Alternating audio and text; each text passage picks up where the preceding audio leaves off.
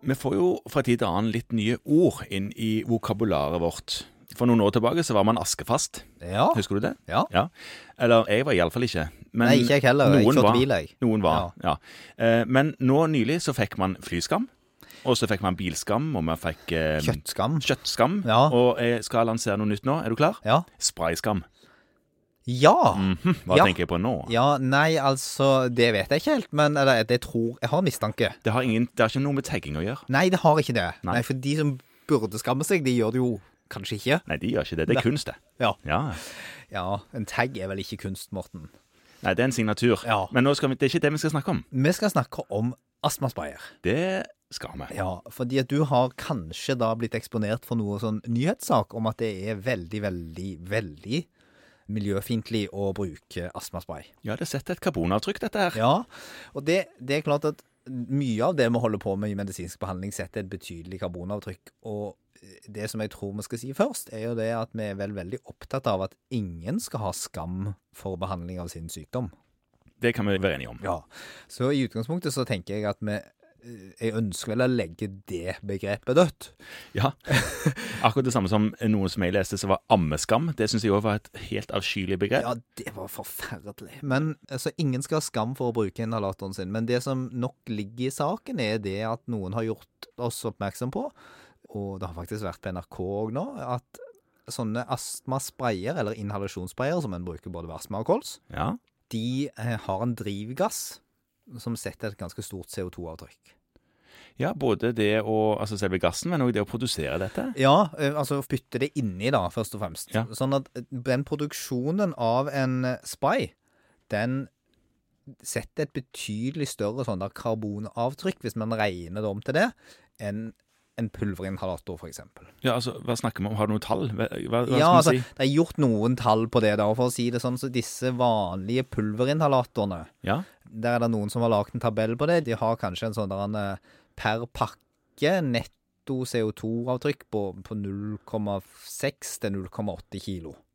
ja, altså 0,6-0,8 kilo, ja. Det er det det koster miljøet å Ja, produsere per- en sånn pakke? Ko- Produsere og bruke. En sånn pakke med, spra nei, med, med pulver. Ja. Mens på, på sprayene så varierer det litt, men mellom 20 og 30 kilo. 20-30 kilo, ja. Ja. Så en sånn 40 til 50 ganger så stort avtrykk per inhalator. Og så er ikke dette helt riktig, for du må regne det om til hvor mange doser det er i inhalatoren og en del sånne ting, men jeg tenker at prinsippet er veldig gyldig. Altså, det å bruke en sprayinhalator, det setter et mye større avtrykk enn det å bruke en pu- tørrpulverinhalator. Jo, og så sa jo du eh, for litt siden at man skulle ikke ha skam for å behandle sin sykdom. Nei. Sånn at man, man bruker jo noen ganger spray fordi at spray er, er, er Ja, man vil ha spray og ikke pulver. Ja, man kan ikke bruke noe annet enn spray. Nei, de puster jo så godt som ikke. Ja, altså du har de som trenger et inhalasjonskammer, Ja. og det er jo de veldig i begynnelsen eller veldig i slutten av livet. Ja, sant. Ja, eller de som ellers har manglende koordinasjon. Ja. Og så kan det også være at fordi at den kombinasjonen av substanser som pasienten skal ha, Ja, bare fins i en spray.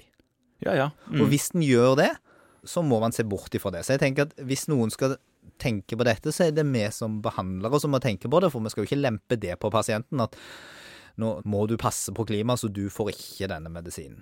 Nei, så, men du må tenke på det å bytte dersom det ikke er en god grunn til at pasienten står på spray. Ja, jeg tenker at det du kan gjøre nå, Nå passer det litt nå, for det er måte på hva fastlegen ditt skal drive på med. Ja, men det jeg tenker at dette er ikke noe annet enn det vi allerede gjør. Eh, Bra. Men det, det du skal gjøre nå, det er at du skal, når du har disse astmapasientene dine på kontroll, Ja. så skal du litt grann nøyere vurdere om pasienten tar medisinen sin riktig.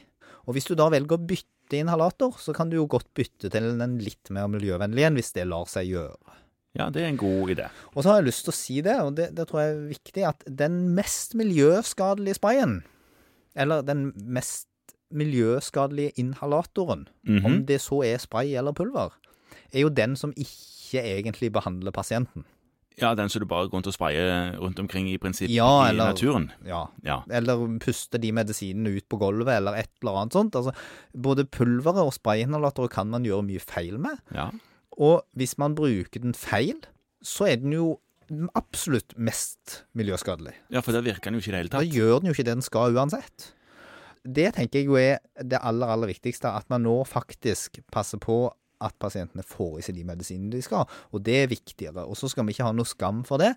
Men som behandlingsledd så kan vi være nøye på at hvis det er mulig, så tror jeg det absolutt er et godt miljøaspekt å heller foreskrive mindre forurensende inhalatorer. Selvfølgelig. Og så er det et annet viktig poeng her, og det er at det, det som pasienter tar mest av, er jo unødvendig anfallsbehandling. Ja. Fordi de ikke har god grunnbehandling. Ja, og da er det sånn at kan vi få grunnbehandlingen bedre, Ja. så s- senker du den totale bruken av inhalasjoner, og dermed også belastningen. Nettopp. Så finn ut hva pasientene faktisk trenger. Får de til å ta det på en skikkelig måte, så vil det kanskje være like viktig som akkurat hvilken inhalator du velger i det enkelte tilfellet. Så da kaller vi det ikke for sprayskam lenger, men behandlingsglede. Ja. Ja, flott.